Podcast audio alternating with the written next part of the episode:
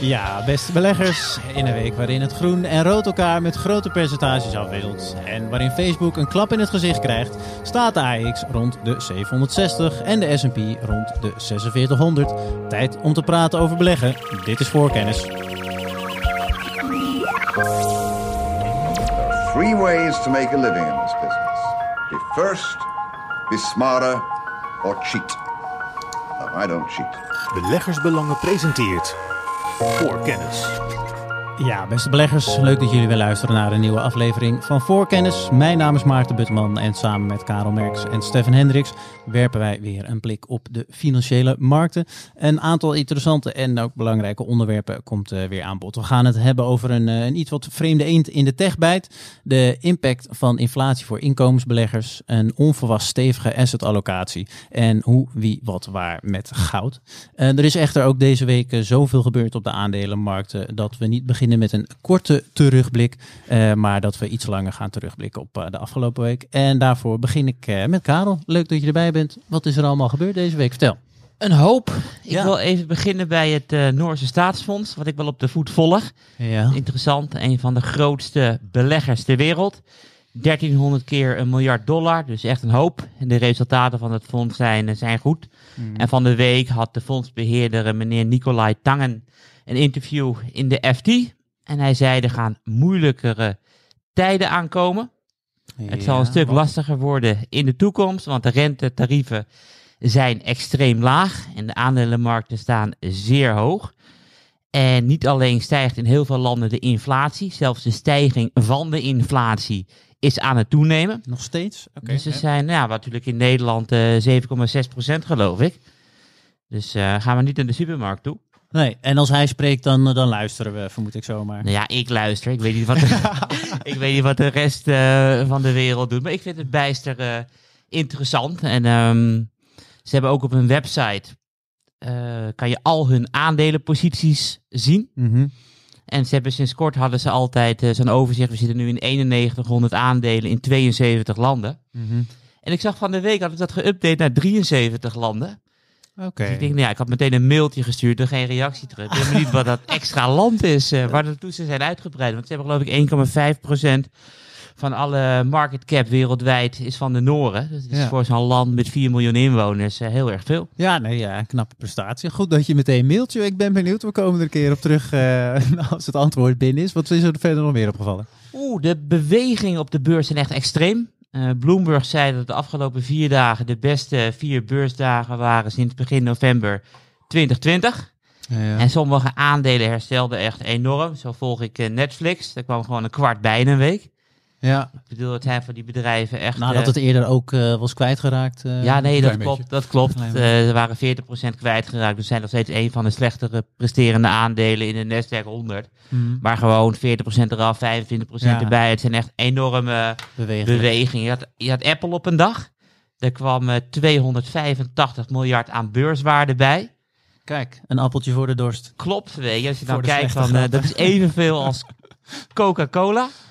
En dan zijn nee, de hele totale waarde van Coca-Cola? De hele totale nee. waarde van Coca-Cola kwam er dus in zes uurtjes bij. Oké. Okay.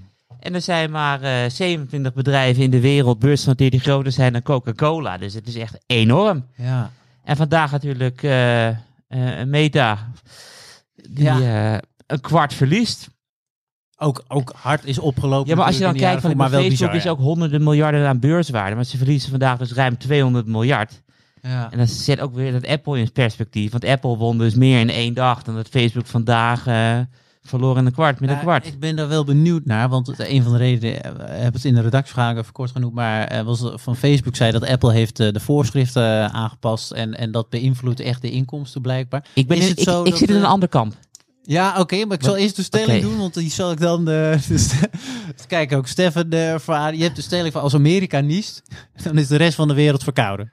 En ik krijg nu een beetje, een beetje het idee dat als, als Apple gaat niezen, dat de rest van de techmarkt, en ik vermoed dat er nog een paar spelers zijn, zoals ook Alphabet, want die hebben gewoon zulke posities met uh, hun. Uh, wat is het? De iStore en uh, wat is het van Google? Ik weet het eigenlijk niet, want ik heb Google geen. uh, Play en de Apple ja. App Store. Precies. Is dat, zij, wat is, zij, kunnen zij zo'n grote impact hebben op de rest uh, Nou ja, ik, dat- het hakt natuurlijk wel in. Kijk, als je eh, aan kunt geven bij Apple dat je liever niet getracked wil worden door bepaalde apps, Ja. ja, dan raakt dat natuurlijk direct het verdienmodel van een meta. Ja. Eh, En dat ligt natuurlijk voor sommige bedrijven wel weer anders. Kijk, Spotify, denk ik, heeft ook te lijden onder het feit dat er Apple Music is en Amazon eh, Music. Nou ja, we hoeven alleen maar het hele eh, verhaal van Joe Rogan hè, op Spotify en wat dat betekent. En dat artiesten dan verhuizen naar andere platformen. Kijk, dus die, die platformen zijn ook voortdurend met elkaar in concurrentie. Alleen als jij zoals Facebook misschien dan eh, voor een deel van je advertentieinkomsten afhankelijk bent van het feit dat je mensen met een iPhone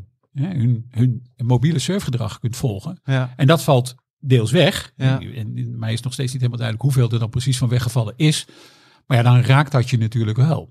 Ja, ja het eigenlijk, het is, maar het is meer omdat het, het is, meer- is het eerder afhankelijk van anderen dan dat het vroeger was, heb ik het idee. Ik weet niet of het eh, Coca-Cola destijds, dat het eh, een van de grotere was, dat het ook een partij had waar het zo afhankelijk Nou ja, die was. strijd, maar- je ziet die strijd natuurlijk wel meer. Hè? Als, je, als je een product aanbiedt eh, en je doet dat op een ander platform. Ja, Ja, dan, dan ben je daarmee ook onder invloed van het andere platform. En het platform is natuurlijk weer onder invloed van het product dat aangeboden wordt. Dus eh, was het niet vorige week dat er ehm, volgens mij de supermarkten eh, en een aantal, was Nestlé volgens mij. Eh, een aantal Nederlandse supermarkten en Nestlé Ja, ook in een ja. conflict waren over... Heijn inderdaad. Ja, Ja, ja. Dus, dus wie, wie neemt nou die prijsstijging? Oké. Dus dat is min of meer hetzelfde Ja. Eh, wat er gebeurt. Alleen gaat het ook bij, eh, dit is dan Albert Heijn, misschien Albert Heijn Nederland met Nestlé. Nou ja, dat, is dan, dat haalt dan het Nederlandse nieuws. En dat is natuurlijk internationaal misschien nog niet echt heel erg boeiend. Maar dit, dit, is natuurlijk, wel een. eh, dat heb je met die tech-platformen natuurlijk. Je hebt het ook meteen over wereldwijde platformen. Ja. En dan is het dus niet alleen maar iets dat bijvoorbeeld in de VS speelt of alleen in Nederland, maar dan speelt het opeens ook wereldwijd en dan raakt het ook je hele bedrijfsmodel. Niet een klein beetje ervan, maar gewoon heel je bedrijfsmodel regionaal gezien. Oké, goeie. Ik ga er eh, niet al te lang eh, op door, want we moeten nog heel veel andere dingen uiteraard eh, behandelen. Stefan was al heel even aan het woord en ik kom zo, als er nog meer nieuws is, Karel, ook weer even bij jou terug. Maar wat is jou allemaal onder andere opgevallen deze week, Stefan? Ja, normaal gesproken blik ik natuurlijk altijd terug waar ik had beloofd de week daarvoor om vooruit te blikken. Traditioneel de eerste niet, woorden van Stefan bijna, maar we Ja. hebben het nu, nu hebben we het omzeild toch op een of Ja, misschien normaal gesproken je bijna een bandje instarten voor het. Ehm, maar dat was eigenlijk niet zo heel erg spectaculair. Dus de cijfers van waar ik op vooruit zou blikken, hang KPN en eh, Thermo Fisher en AbbVie. eh, nou, dat was op zich allemaal zorgde niet voor gigantische koersuitslagen. Karel noemde net al Meta. Maar wat gewoon heel erg opvalt, is dat er een, eh, een aantal bedrijven is dat dan de verwachtingen misschien niet helemaal waar maakt en dan ongehoord hard wordt afgestraft. Misschien nog wel harder dan in andere perioden. Dus we hebben Spotify ook gehad, eh, PayPal bijvoorbeeld. Ja, dat ging ging ook, ook. heel erg hard.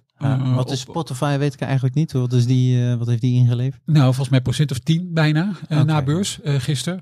Ehm, en ook eigenlijk op, op basis van nou ja, wat, wat we aan abonnementengroei, hè, wat Spotify aan abonnementengroei misschien verwacht. Beetje wat er bij Netflix misschien ook aan de hand was. Hè. Dus er zijn verwachtingen. Het echt, iedere keer gaat het uiteindelijk over verwachtingen en het wel of niet overtreffen van die verwachtingen. Dat is eigenlijk een beetje. En als jij ervan uitgaat dat Spotify zoveel miljoen abonnees er wel bij zal krijgen. Ja. En het worden er minder, dan wordt daarop gereageerd. Maar er wordt nu wel heel erg heftig op gereageerd. Vind ik gaat nu echt heel erg hard. Of het nou inderdaad Meta is, of Spotify, of PayPal. Het gaat echt ontzettend hard. Zijn het alleen de techers waar het hard gaat of eh, zijn er ook andere Nou ja, ik denk, kijk, sectoren? het, het, tot nu toe heb ik het volgens mij nog niet. Ja, er zullen ongetwijfeld eh, vast wel wat kleinere bedrijven zijn waar, eh, waar het ook heel erg misgaat. Maar deze springen natuurlijk het meest in het oog.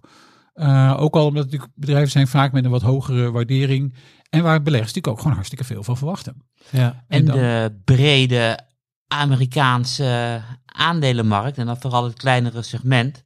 Want als je dan kijkt naar de Russell 2000, de 2000 kleinste bedrijven van de 3000 grootste, Ja. die bereikt vandaag weer een nieuwe laagste stand van de afgelopen 52 weken.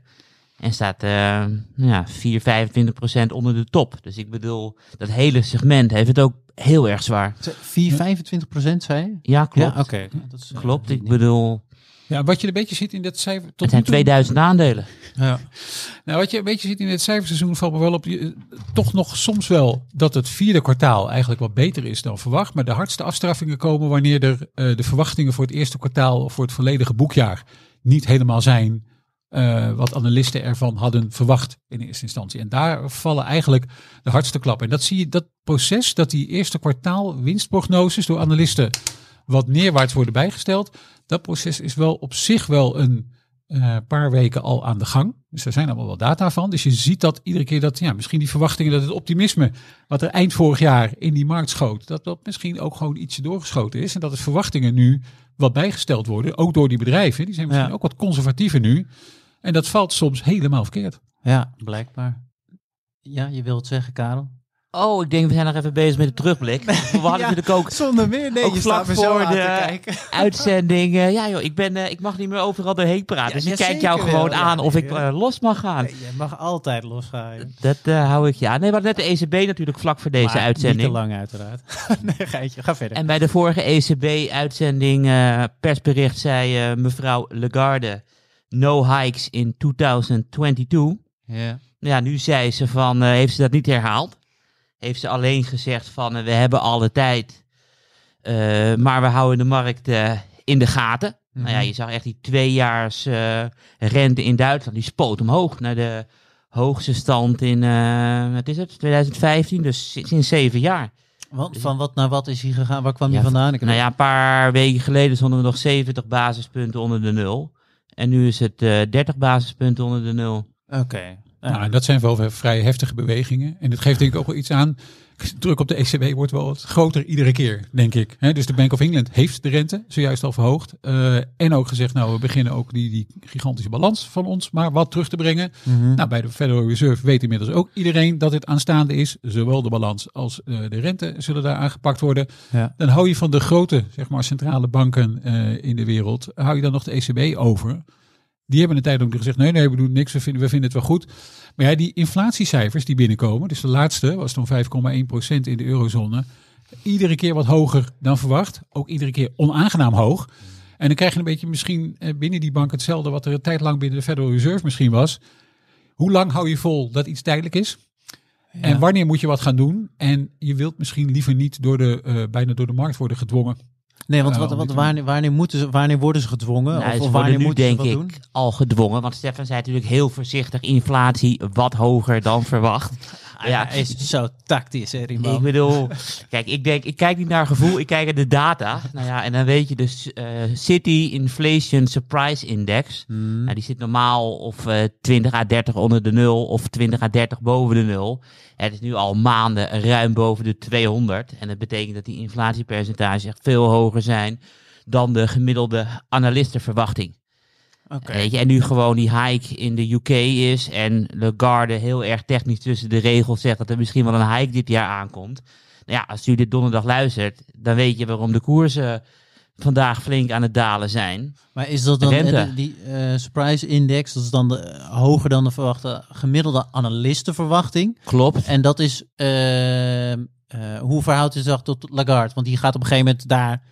Wordt die dan op die manier gedwongen door de markt? Of eh, Nou is ja, dat een beetje ja, de kijk, reden waarom het. Op het moment dat die data dus, eh, dus eh, hoger dan, in dit geval de inflatie, hoger dan verwacht binnenkomen, eh, dan wil je natuurlijk als centrale bank niet dat je de controle op een gegeven moment verliest. En wanneer ga je volgens mij de controle verliezen? Op het moment dat het ook door gaat sijpelen in de, in de lonen. Eh, dat is de, de, de altijd gevreesde loonprijsspiraal eh, die dan van stal wordt gehaald. Maar dat zijn eigenlijk scenario's, je wil daar niet te ver achteraan lopen. Want dat betekent dat je misschien heel veel renteverhogingen moet doen. Waar we het eh, in de podcast zoals eerder over hebben gehad. In de VS ook misschien toch nog wat te lang gezegd dat die inflatie tijdelijk is. Mhm. En dan is het opeens, dan ligt alles open. De balans kan verkort worden. We kunnen opeens 50 basispunten verhogen per keer in plaats van de gebruikelijke 25. Het kunnen er 7 wel worden in plaats van 4. En, ja, je wil eigenlijk als centrale bank ook liever niet in zo'n scenario zitten waarin je eh, bijna een soort inhaalslag moet maken met die renteverhogingen. Om maar te zorgen dat die geest die een beetje uit de fles is, er dan toch weer enigszins in teruggebracht En wordt. wat ik een paar maanden geleden al zei, ik heb al mijn polo's voor de komende jaren al gekocht. Kijk, en eh, We, we inflatie... hebben het over de shirtjes, niet over de auto eh, voor de duidelijkheid. Nee, nee, inderdaad over de shirtjes. En inflatie is ook psychologie. Dus op het moment dat echt mensen denken van de prijzen gaan flink stijgen. En je hebt producten als kleding of kattenvoer, hondenvoer of gewoon goederen die heel lang ehm, houdbaar zijn. Ja. Die kunnen dan gewoon op korte termijn extra worden gekocht. Omdat je gewoon weet dat je over een jaar ehm 7, 8 procent extra betaalt. Ja. En dan zie je dus dat mensen eh, gaan kopen. En dat zet dan een, een spiraal ingang die je dan nauwelijks meer eh, te stoppen eh, krijgt als tandpasta wat uit een tandpasta stamp uit een tube is. En probeer hem dan maar eens terug te krijgen. technische storing eh, daar. Ik ben benieuwd. Ik heb toch het idee dat jullie allebei ja, sceptisch, wat een beetje negatief naar dat is la- laatste kopje voor de rente en Lagarde en zo. Maar ik, ik, ik krijg een beetje geen hele goede sfeer van jullie als ik het zo aanvoel. Of zeg ik dat verkeerd? Nou, het ligt een beetje aan precies op welk terrein het is. Maar dus misschien moet je... Je bedoelt dat wij eh, eh, te negatief zijn eh, over, nee, over nee, de meer beurs? of- nee, over, over Lagarde gewoon van ja, ze loopt, ze loopt toch een beetje te achter de boel aan. Nou ja, kijk, jullie op Te vroeg om te zeggen. Ze heeft zoveel, ik bedoel, de ECB heeft zoveel fouten gemaakt. Ik bedoel, even een heel klein dingetje. Wat hebben ze eh, een maand voor Lehman gedaan? Geen idee. De rente verhoogd. Moesten ze weer een maand later van terugkomen. Wat hebben ze gedaan vlak na in 2010 na het herstel? Rente verhoogd. Weet je, een paar maanden later weer naar beneden. Ik bedoel, ze hebben wel een track record van dingen doen op het moment dat ik denk van, tja, Oké. toch Stefan? Nou, het is ook... Of, of eh, vind jij wel dat ze een goed track record hebben? Nou, het trekrecord van menig centrale bankier is misschien niet top. En er valt op een heleboel centrale bankiers wel wat aan te merken. Het probleem is wel een beetje dat je het natuurlijk ook niet zo snel nu meer goed kan doen. Want op het moment dat Nee. de centrale bankiers vrij agressief gaan ingrijpen. Zeggen nou, nu die inflatie moet er gewoon echt worden teruggebracht. Heel complex. Dan knallen allerlei financiële markten natuurlijk in elkaar. Want dat is ontzettend slecht voor de aandelenmarkt. Het is trouwens ook ontzettend slecht voor de obligatiemarkt. Want dan vliegen die eh, obligatierendementen omhoog. Oftewel de koersen omlaag. Dan worden er een heleboel verliezen geleden. Dit is trouwens ook in de regel niet zo heel erg goed voor de vastgoedmarkt. Dus voor de huizenmarkt. Dus daar wordt ook niet echt iemand heel erg blij van. Dus die centrale bankiers zitten ook gewoon op dit moment in een verdraaid lastenpakket. en is, het is- dat is volgens mij de reden waarom ze ook zo lang hebben gewacht. Dus die- kijk, ze zijn natuurlijk niet. Je kan er een heleboel van zeggen of ze nou een slecht beleid voeren of goed beleid. Maar ze zijn natuurlijk.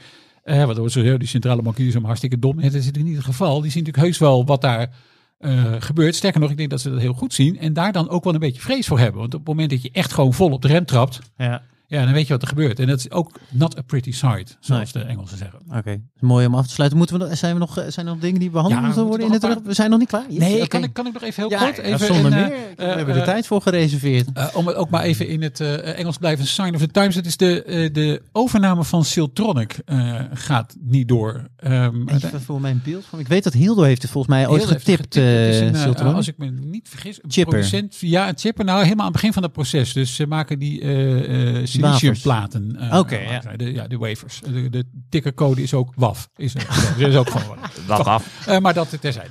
Um, maar dat geeft denk ik even een, een paar dingen aan. Uh, het, het, eerste is dat er sprake is van geopolitieke spanningen, zoals dat zo mooi heet. De overnemende partij was namelijk een Taiwanese bedrijf. Uh, mm -hmm. Global Wafers, volgens mij heette die.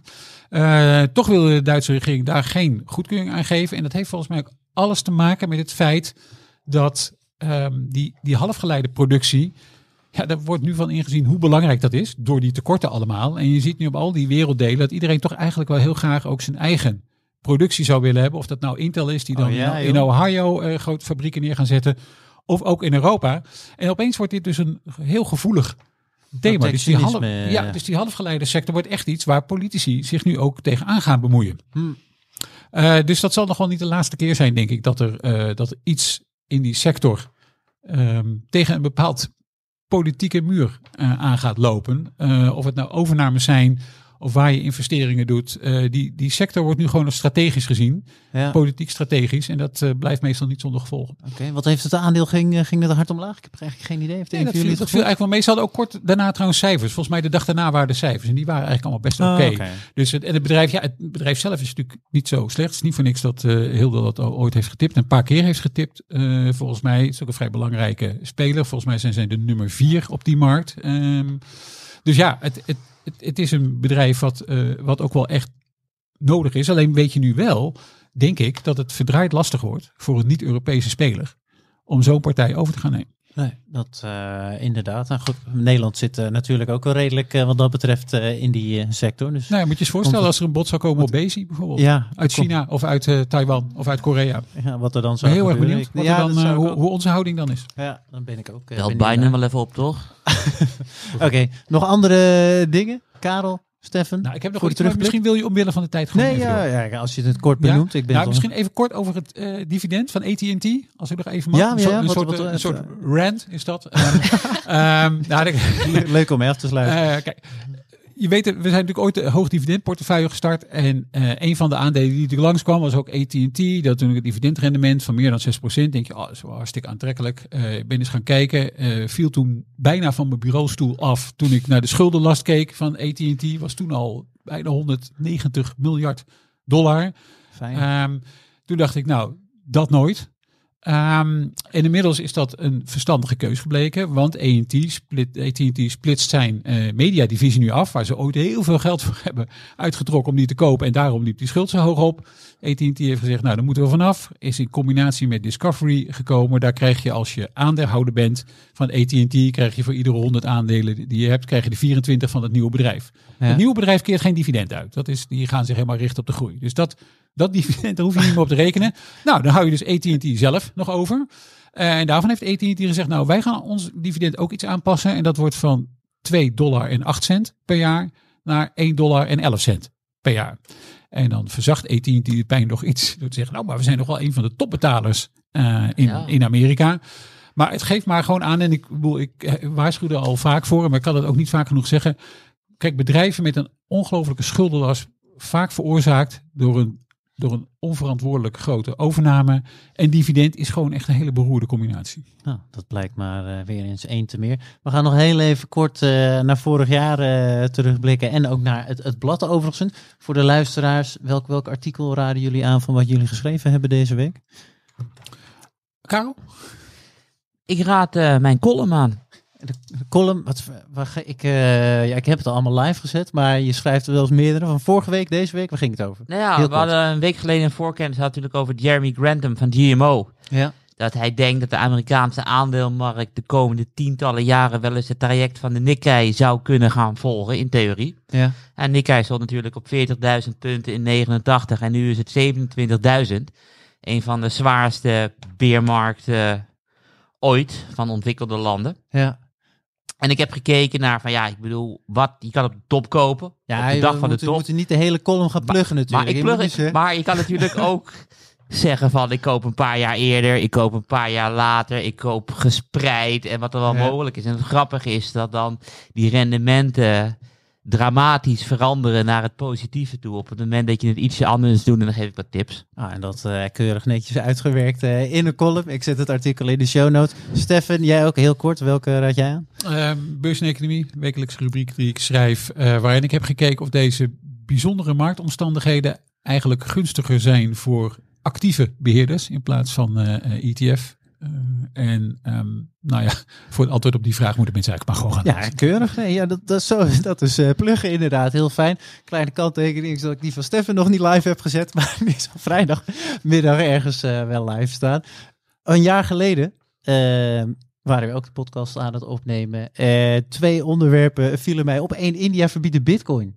Hebben we toen eh, behandeld. Karel, was een onderwerp eh, van jou. Dat eh, was heel grappig. Maar ook, eh, en Steffen, ik dacht dat jou een onderwerp van jou was voor het eerst eh, de CO2-rechten. Ja, Wat heeft- doen die nu een jaar later? Wat, eh, wat is er, eh, heel kort ook hoor, maar wat is daarmee gebeurd? Die is echt van. Halverwege de 80. ja. En, en toen? 20 of zo? Dat, we zijn eh, begonnen volgens mij toen we in de 30 zaten. Oké. Eh, zo halverwege de 30. Dat was de eerste keer dat het, dat het mij heel erg begon op te vallen. En toen we er nog niet in konden beleggen. Ja, ik ben ook benieuwd of we een keer een slechte belegging eh, tegenkomen. Maar daar komen we dan tegen die tijd wel weer een keer op terug. genoeg. Voorkennis. Oké, na die uitgebreide terugblik gaan we de hoofdonderwerpen wel wat korter houden. Want heel veel langer dan een uurtje wilt u uiteraard ook niet naar ons luisteren. We gaan eh, beginnen met goud. Eh, want dat is normaal gesproken toch wel eh, de belegging bij uitstek eh, wanneer er inflatie is. Of kan het zijn in ieder geval. Maar de laatste twee jaar blijft er toch wat achter. Er gebeurt genoeg. En ook rondom inflatie gebeurt uiteraard genoeg. Karel, wat gebeurt er allemaal? Vertel. Ja, een paar weken geleden zilver voorbij laten komen. Dus nu wil ik het gaan hebben over goud. En helemaal omdat de rente omhoog gaat.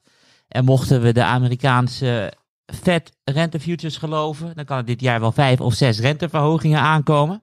Mhm. En in theorie zou dat heel slecht moeten zijn voor de goudprijs.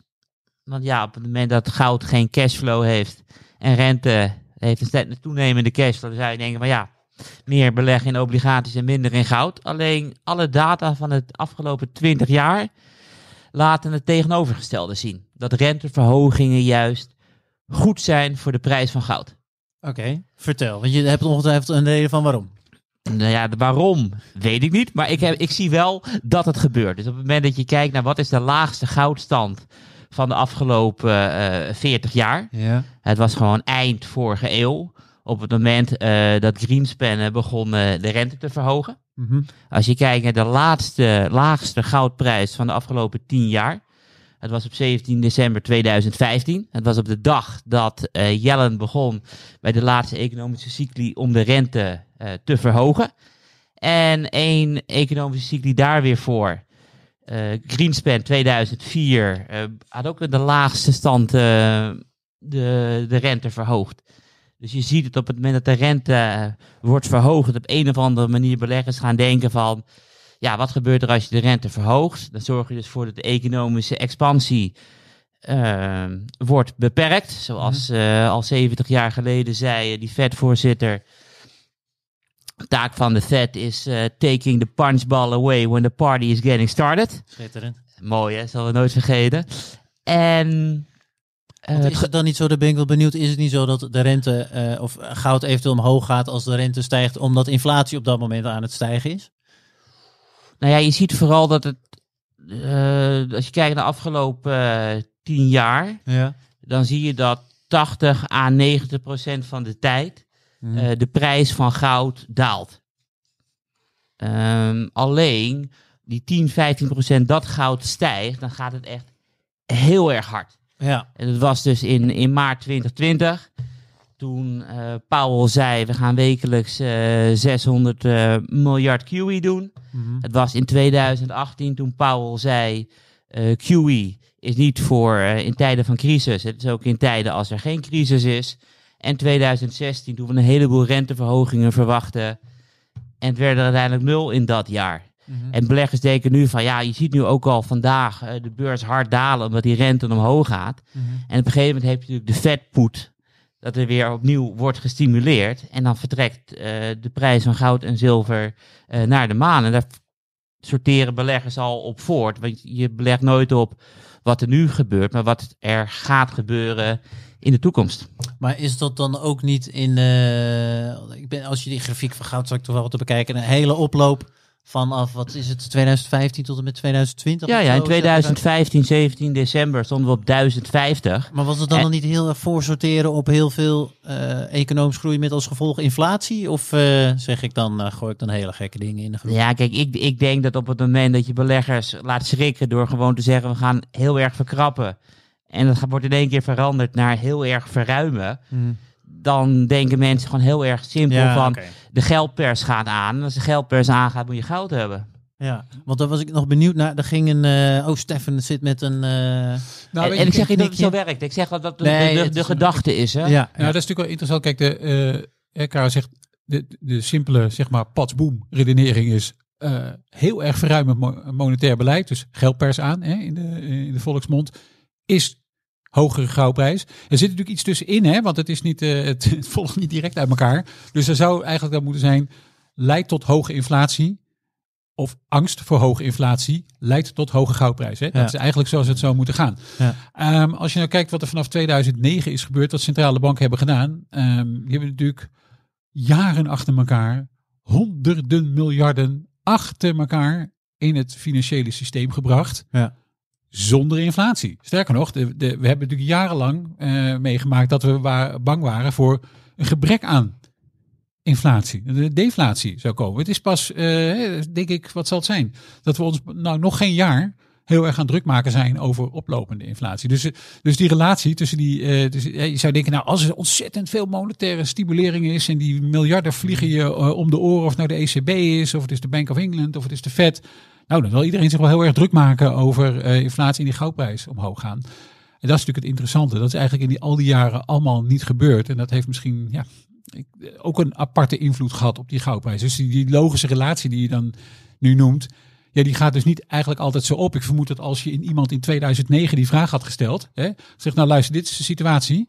Over tien jaar hebben centrale banken hebben het niet eens meer over eh, honderden miljarden, maar hebben het over biljoenen. Mhm.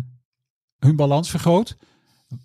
Moet je dan eh, goud hebben omdat de inflatie uit de hand gelopen is? Zouden misschien een heleboel mensen al ja op gezegd hebben. Maar misschien die rol was er dus eigenlijk helemaal niet. Want die Nee. inflatie was er ook niet. Nee, klopt. Maar dit is wel beter gepresteerd nou ja, dan heel veel eh aandelenlanden. Want natuurlijk in 2009 stonden we op 600 nog wat. En nu is het 1800. We zijn wel 200% hoger. En het grappige is op het moment... het is nog ongekend. Hè? Hm? Het is nog ongekende beweging als je even naar de grafiek kijkt. Nee, zeker. En en dit- dat is de interessante eraan. Dat het dus in, juist in die periode van, eh, Ja. lange periode van angst voor een tekort aan inflatie eigenlijk. Komen we, maar, komen Ja. we nog aan die 2% inflatie? Want het, het, het lukt maar niet. Dat in die periode dus eh, goud kennelijk helemaal niet zo slecht heeft gepresteerd. Nee. En ook voor nu, nu heel even naar de kronke. Wa- wa- Hoe zitten jullie zelf met goud in de portefeuille? Zit het, jij hebt het in het pensioen, Ja. zit jij een stukje volgens Ja, mij? Precies, niet zo heel veel. Procent of vijf max. Eh, en dat is eigenlijk gewoon... Gewoon een stukje Het spreiding. is gewoon pu- puur inderdaad een, een, een hedge. En het heeft gek genoeg dus inderdaad ook gewerkt eh, in tijden van gebrek aan inflatie. Eh, ik ben heel erg benieuwd hoe het nu gaat werken als de inflatie inderdaad langdurig hoog blijft. Want dan zou goud ook die functie moeten uitoefenen. En ik, ja, ik vrees dat we misschien een nog veel hogere inflatie dan dit nodig hebben voordat iedereen die rol van goud op die manier ook weer gaat zien. Ik En denk jij, dat Karel, de prijs van inflatie eh, genegeerd mag worden. Ja. Het belangrijkste is wat centrale banken gaan doen. Dus op het moment dat Lagarde zegt van eh, we zijn nu zo ver gedaan op de aandelenmarkt, er komt geen enkele hike meer aan en we gaan eh, één hikeje doen bij de Fed. Dan gaat goud er echt vandoor. En in de defensieve portefeuille zit op dit moment een kwart goud om je eerste vraag te beantwoorden. Oké, kijk eens aan. Heel mooi. Enkel voor jou nog, want je hebt ook veel goudmijn aandelen getipt de laatste jaar. Zonder namen te noemen. Eh, want die kunnen abonnees gewoon eh, vinden Oké. op beleggersbelangen.nl eh, uiteraard. En niet abonnees, nou die raden het al. Er staat ook een abonneren knop. Maar Karel, daar, ook daar nog, want dat is eigenlijk gewoon een hefboom. Is een beetje heel Ja, kort kijk, door de bocht. En Je hebt, die je hebt, je hebt een index, dat heet de HUI-index. En je hebt, eh, er zitten goudmijnen in die hun toekomstige goudvoorraad niet verkopen. Dus de meeste blootstelling hebben aan eh, de prijs van goud. Mhm. En je ziet dat gedurende de geschiedenis dat die index altijd op een ratio van 0,32, 0,33 noteert. Het is nu 0,11. Dus ik bedoel, die mijnen zijn echt relatief ten opzichte van goud echt heel erg goedkoop. Kijk eens aan. En dat eh, voor iemand die dus eh, een verhoging eh, verwacht van de goudprijs. We komen daar als je, of Jellen wil ik zeggen, als Lagarde aan bewegen is, ongetwijfeld ook op terug. Voorkennis. Want we gaan verder, ook, ja, ook inflatie gerelateerd en rente gerelateerd. Maar op dit moment is het zo dat de inkomensbeleggers toch even met een extra blik naar de inflatie moeten kijken. Stefan, vertel. Ja, dat doen we eigenlijk, eh, Maarten, om te beginnen bij de Europese high yield markt. Er zijn natuurlijk meerdere manieren waarop je een, een, een hoog inkomen, en dan zeg ik maar een inkomen van ongeveer een procent of vier uit je beleggingen zou kunnen halen. En Mhm. een van die manieren is bijvoorbeeld eh, high yield. Ja. Dus hele risicovolle bedrijfsobligaties. Altijd bedrijfsobligaties, vroeg ik me nog af. Kunnen het, kan er ook een risicovol land zijn? Ja, ik zeker, noem maar zeker. wat Eh, nee, nee, dat is een hele goede vraag. Want dat, dat is inderdaad helemaal juist. Eh, De mate van risico hangt eigenlijk eh, gewoon af van de terugbetalingscapaciteit natuurlijk. Ja. En zowel een land kan in problemen komen eh, als een bedrijf. ja. Met andere woorden, je hebt een, een zogeheten credit rating, hè, een kredietwaardigheid die meestal met lettertjes wordt aangegeven. En die geldt zowel voor landen als voor bedrijven. Er zijn natuurlijk voor landen wel andere criteria op basis waarvan die credit rating wordt vastgesteld. Maar het principe verder is gewoon hetzelfde en de indeling is ook hetzelfde. Dus zodra je onder de BBB min zakt, val je in het high yield segment. Oké, dus we gaan nu, we gaan nu sec over bedrijven hebben. We gaan het nu sec over bedrijf hebben. Oké. En eh, waarom doen we dat? Omdat in de eh, eurozone en eigenlijk ook hè, in West-Europa heb je natuurlijk niet zo heel veel landen die jou een ehm, eh, effectief rendement of een rendement van een procent of vier kunnen bieden. Hè? Dus Mhm. Nederlandse tienjaarsleningen, daar eh, kom je niet mee aan de 4%. Dus dat, dat Nee. werkt sowieso al niet. Nou, dan doe je een stapje naar beneden, kom je bij hele solide bedrijfsobligaties. Dus weet ik veel uitgegeven door pak een beetje Shell of Sanofi of dat soort bedrijven. Nou, dan haal je het ook allemaal niet, want die zitten nog maar net boven de nul. Dus je zakt nog een niveautje af. Dan kom je bij dus de meer risicovolle leningen. Nou, die noemen we high yield. En daarvan is het effectief rendement de afgelopen maanden heel aardig opgelopen. Dus dat was ongeveer 2,6 in november 2020. En dan zitten we nu op 3,6, 3,7. En dan denk je, nou, dat begint er een beetje op te lijken. Ja. Ehm, Wat, wat, eh, heb je een voorbeeld van een bedrijf eh, wie daaronder valt? Die zei bij eh, die middelwater was het Shell bijvoorbeeld. Poeh, welke bedrijven zullen eronder vallen? Arcelor, dat soort eh, dingen. Of zit ik Nou, dan te veilig te denken? Die zitten misschien net inmiddels weer, eh, eh, die zitten net inmiddels wel weer aan de goede kant, eh, denk ik. Maar, dan weet ik eh, dat ik in de juiste maar om er maar eens één te noemen, Hema was er altijd eentje. die zat er. en we weten allemaal hoe dat is afgelopen. denk ik. Maar dat Oké, ga verder. dat terzijde. Ehm dus die zit ongeveer op 3,6 procent. Dan denk je misschien als inkomensbelegger, nou ja, dat is misschien wel het overwegen waard. En tegen die inkomensbelegger zou ik toch opnieuw, want we hebben dit onderwerp al eens Ja. eerder behandeld, willen zeggen, eh, ga toch eerder voor hoog dividend eh, aandelen. Want die hebben gewoon eigenlijk een, eh, ehm, nou eigenlijk om twee redenen moet ik zeggen.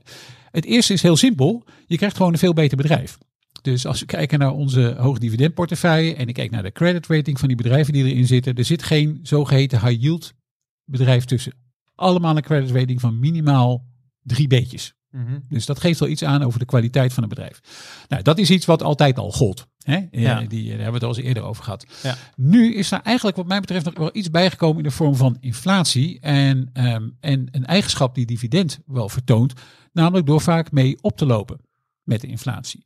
Wat je niet zo snel ziet bij de coupon van die risicovolle bedrijfsobligaties. Die lopen ook wel op, maar dat duurt wat langer voordat dat doorkomt in die index en voordat dat doorkomt in jouw inkomen als high yield belegger. Want dan heb je het net over die 2,6 die naar... eh, wat Die is naar 3,2, 3,2, ja. Dat is dat. Ja, oké, kijk, het is bij obligaties altijd een beetje ingewikkeld. Hè? Je hebt een effectief rendement en je hebt een eh, coupon. Ja. En het effectieve rendement is niks anders dan het rendement dat je krijgt over een bepaalde looptijd, waarin ook het koersverloop van die lening is meegenomen. Dus je gaat ervan uit dat die lening weer op 100 wordt afgelost en dat je in de tussentijd netjes je coupon krijgt. Oké, ja.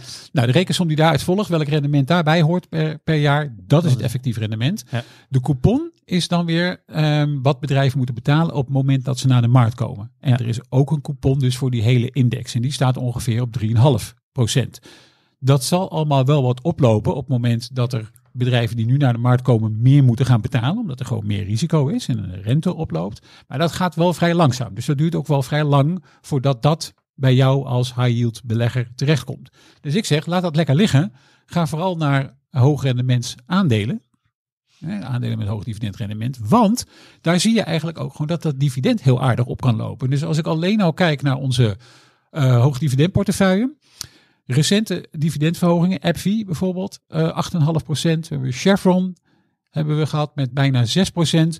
En deze week waren de cijfers van KPN. Nou, die volg ik ook allemaal. En een heleboel dingen, daar denk ik, nou, dat geloof ik verder maar wel. Maar mijn interesse wordt pas echt heel erg gewekt bij de financiële positie van KPN. Bij hun cashflow verwachtingen en bij hun dividendverwachtingen. Nou, dan zie je dat KPN over dit jaar een eh 5% hoger dividend uit wil keren. Ik denk, nou, dat zijn wel een aardig eind gevorderd hè, met het terugverdienen van de inflatie.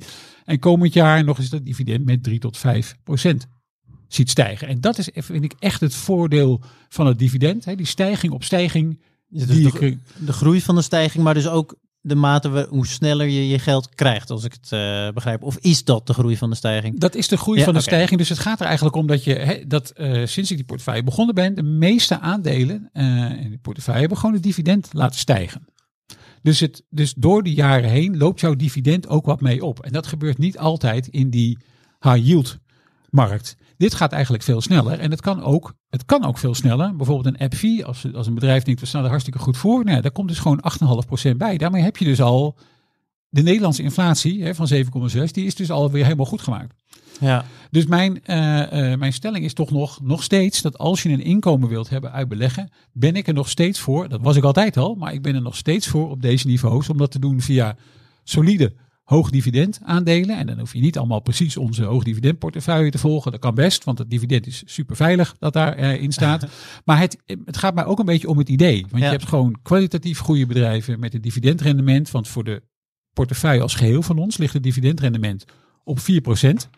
En het dividend neemt gewoon iedere keer toe. En dat is gewoon heel erg interessant. Dus het feit dat die dividenden wel makkelijker mee kunnen groeien met de inflatie. En dat je toch kwalitatief goede bedrijven in portefeuille hebt die dat ook gewoon vol kunnen houden, betalen van die dividenden. Wil ik nogmaals eigenlijk zeggen dat als je op zoek bent naar inkomen, dat je dat wat mij betreft gewoon beter kan doen via hoog dividend dan dat je dat doet via high yield op de bedrijfsobligatiemarkt. Oké, nou, dat lijkt mij een schitterend besluit eh, om mee verder te gaan. Dankjewel, Stefan. Voorkennis. Voor het eerst dat overigens dankje zijn na een onderwerp. eh, ik weet niet waar dat voor moet wel een heel overtuigende redenering zijn geweest daar. Zo was je blij dat het voorbij was. Wie weet. Ik uh, verder terug naar Karel. Uh, want we gaan het hebben over Cisco's onderdeel van de defensieve portefeuille. Klopt. En uh, ja, dat is toch een beetje. En, is het nou tech-aandeel? Is het niet een tech-aandeel? Ja, het is wel tech, maar is het een oud-tech? Is het nieuw-tech? Wat is oud-tech en wat is nieuw-tech eigenlijk? En dan gaan we een beetje naar kijken. Karel, vertel. Ja, Cisco is natuurlijk bekend van de routers waarop het internet draait. Zeker. Dus dat is dan oude tech, noem het maar eventjes. Omdat natuurlijk het internet uh, 30 jaar geleden werd gebouwd. Maar het bedrijf zit tegenwoordig vol in op hybride werken, Internet of Things, cyberbeveiliging en het monitoren van allerlei computerapplicaties. Oké. Okay. Um, en Cisco is daarnaast ook een van mijn favoriete voorbeelden. Dat verandering van de waardering voor aandelenrendementen belangrijker is dan ontwikkeling van de bedrijfscijfers. Uh, ja, oké. Okay. In lijn met wat van Pfizer vorige week uh, hebben behandeld. Klopt, denk. klopt. Ja, Want ik bedoel, als je dan kijkt uh, in het jaar 2000, ja. had Cisco een vrije kaststroom van 5 miljard dollar. Mm -hmm. En in 2009 had Cisco een, een vrije kaststroom van 10 miljard dollar. Ja. Dus dat hebben ze in negen jaar tijd met 100% laten groeien. Dus het waren werkelijk fantastische jaren voor Cisco. Dus ja, zou je dit bedrijf willen hebben? Uh, nee, want tijdens deze fantastische gouden jaren ging het aandeel Cisco met 55% onderuit. En als we dan een beetje gaan cherrypicken, dus je pakt gewoon de top uh, van de markt in 2000 en de bodem in 2009, ja. dan ging Cisco met 83% onderuit. Terwijl het bedrijf gewoon echt geweldig draaide en gewoon elk jaar meer omzet, meer winst, meer winst per aandeel, meer vrije kaststroom. Het ging echt hartstikke goed. Mm -hmm. Kijk, en de reden is, wat ik al zei, die verandering van waardering is heel erg belangrijk. Want als je dan kijkt in 2000, toen noteerde Cisco tegen een free cashflow yield van 0,5, mm -hmm. wat echt belachelijk laag is. In 2009 was het opgelopen naar 14. Mm -hmm. De huidige koers is 56 uh, dollar, februari 2022. Ja. En we zaten nog altijd uh, onder de all-time high van 2000 van 82. Ja. Terwijl de huidige vrije kaststroom uh, vele honderden procenten meer is dan 20 jaar geleden. Pak slaag voor de belegger. Inderdaad, vanwege die hoge waardering. Maar kijk je de huidige waardering, de free cash flow yield is 6%. Het zit in de defensieve portefeuille. Het bedrijf is ervan overtuigd dat ze nog vele jaren de omzet tussen de 5 à 8 procent per jaar kunnen lekker laten groeien. Mhm. Cashflow neemt toe, minimaal 50% van die cashflow gaat uh, via dividend uh, en het inkopen van eigen aandelen weer terug. En als je dan kijkt uh, naar tien jaar geleden, toen had je nog 50% meer aandelen Cisco dan dat ze nu, nu bestaan. Dus wat dat betreft draait het geweldig en zit het bedrijf ook in de defensieve portefeuille, omdat het gewoon een cashmachine is. Want waar, waarom, wanneer zijn ze, ze, zijn, ze, ze hebben een, een omslag gemaakt naar andere markten? Nee, ze hebben, bedoel, de, erbij. de routers zijn gewoon uh, waarmee ze het geld verdienen. Ja, nog en steeds. Nog okay, steeds. Ja. Ik op echt het meeste geld verbinden. En het monitoren van applicaties zijn dan nieuwe groeimarkten waarin ze gewoon hard groeien. Oké. Okay. Waar ik zelf nou ook benieuwd was van Cisco, vond ik daar een leuk voorbeeld. Ik geen idee of het zo is. Maar uh, is dat nou een waardeaandeel? Is dat een groeiaandeel? Was het ooit een groeiaandeel? En is, is, is er een waardebelegging uh, geworden? Hoe, hoe zit dat bij die twee? Stefan, wij, jij en ik, ik hadden het er ook, ook... Ja, ik kom zo ook bij jou, uh, Karel. Maar we hadden het ook over de chip. Chippers, even kort voor de voorbelegging. Zijn er nou waardeaandelen? Zijn er nou groeiaandelen? Maakt het überhaupt uit voor een belegger als je weet of iets... Uh, kan het switchen überhaupt? Een sector, een belegging, zeker, dat kan switchen zeker. en is dat van belang? Ja, zeker. Moet dus, ik dat in mijn achterhoofd houden? Ja, ja nee, zeker. Maar kijk, om te beginnen zijn die, uh, die begrippen waarde en groei meestal uh, volgens definities van de indexaanbieder. Hè? Dus dan, uh, die hebben daar bepaalde regels voor. maar het is denk ik ook in de mindset van de belegger wel belangrijk. Hè? Want als je een, een bedrijf of een land echt als een, als een echte groeier ziet, ja, wat gebeurt er dan? meestal zijn beleggers bereid om gewoon meer te betalen voor die groei. En meer te betalen, dat is, komt eigenlijk gewoon neer dus op een hogere waardering. Ja. En ehm, inderdaad, we hebben natuurlijk vorige week gehad over Pfizer. Ehm, ja, als je dacht, begin 99, ik betaal daar gewoon 48 keer de winst voor, want het is de snelst groeiende farmaceut ter wereld. Ze zijn echt de, de partij. Dat komt altijd wel goed.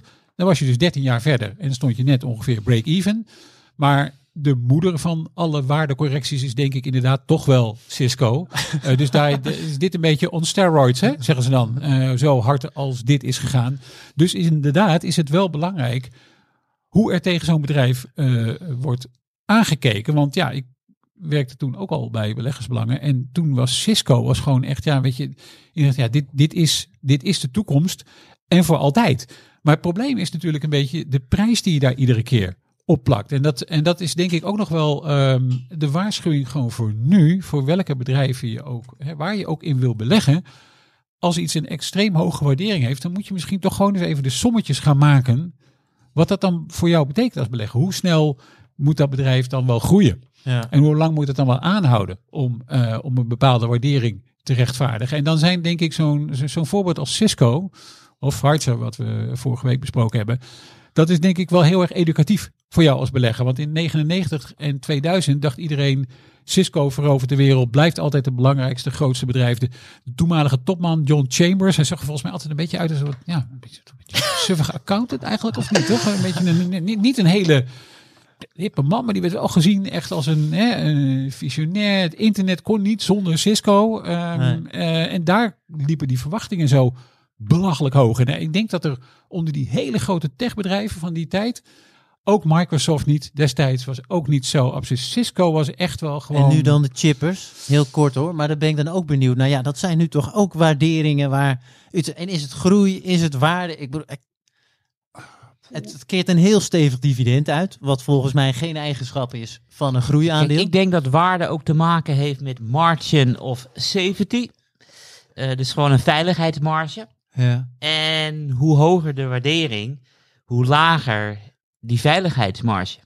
Ik bedoel, kijk je naar een aandeel als Apple, dat noteert nu op een free cashflow yield van 3%. Eh Cisco was 20 jaar geleden was 0,5. Dus ik bedoel, dat betekent dus dat Apple nog even met 200% moet stijgen voordat Apple dezelfde waardering heeft als Cisco. Ah, Oké, ja, dat is nog wel een. Maar, de, maar Apple heeft ook op eh 6% genoteerd twee jaar geleden. Vier jaar geleden 9%. In 2012 was het 12%. Ja, gaat het nu naar 12%, dan verliest het wel 70% van de koers.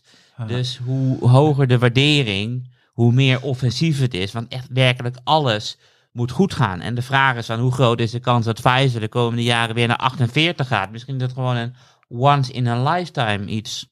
ja. En je moet nooit gaan rekenen met waarderingen die naar extreme gaan. Je moet altijd kijken van ja, wat, wat zal er gebeuren met mijn aandeel op het moment dat de waardering gaat naar wat historisch een beetje normaal is. Oké. Een laatste, laatste opmerking nog over Cisco. Volgens mij zijn het al, maar gewoon nog een mooi aandeel.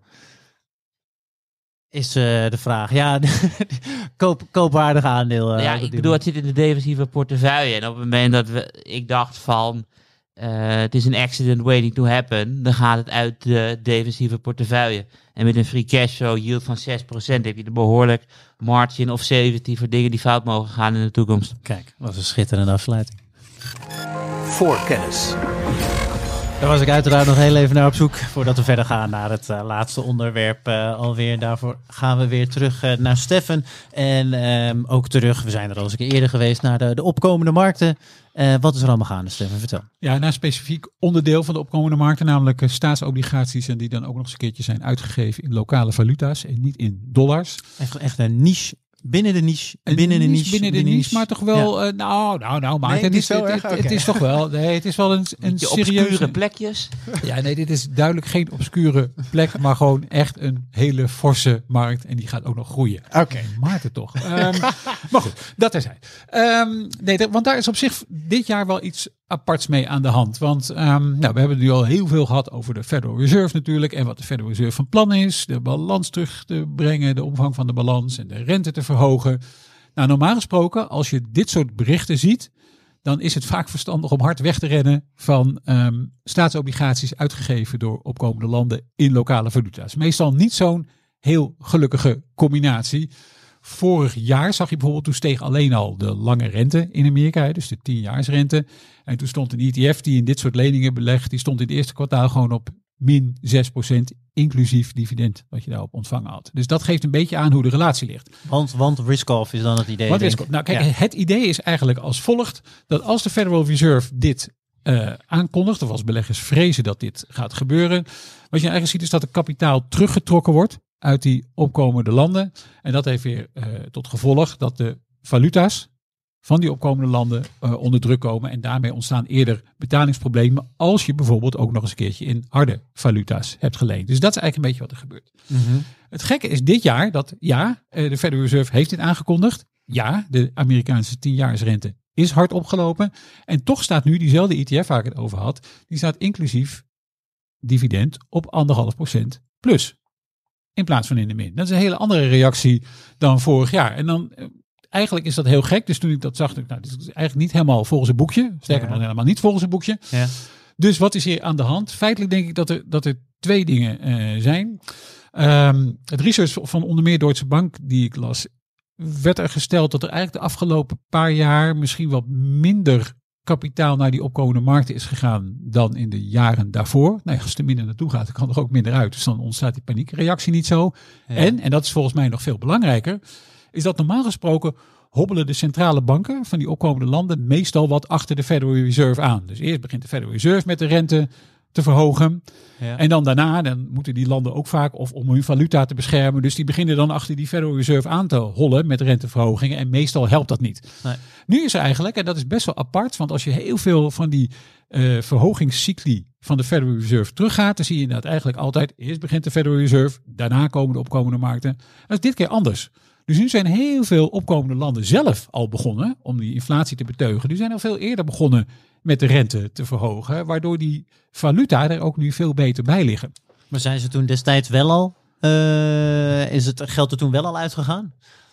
Dat Nou, ze dat- eerder zijn begonnen? Of valt het ook nog wel redelijk Nou, dat mee? valt denk ik op zich ook nog wel redelijk mee. Kijk, er zijn natuurlijk bepaalde extreme voorbeelden. We hebben het in de podcast wel met enige regelmaat over Turkije gehad.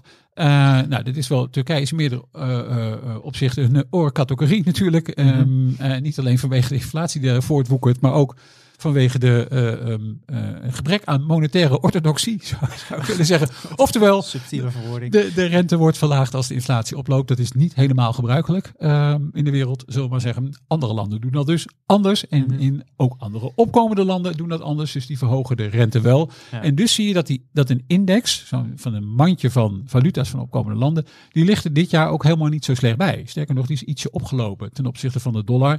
En dat is echt heel erg belangrijk als je in dit soort producten belegt eigenlijk komen de grootste klappen op valutagebied. Dus als je belegt in staatsobligaties van die opkomende landen in die lokale valuta's, Ja. dan het meest, de meeste pijn die je leidt eigenlijk daar is ehm, door daling van de valuta's. En die, en die nou ja, we kunnen misschien nog wel in de show notes een grafiek bijzetten van die, die valuta-index. Nou, die ligt er vijf jaar lang niet echt heel plezant bij voor de opkomende markten. Maar dit jaar valt dat dus wel mee. En dat, dat is op zich een interessant gegeven. Zegt dus ook iets over nou ja, was de Federal Reserve ongelooflijk laat?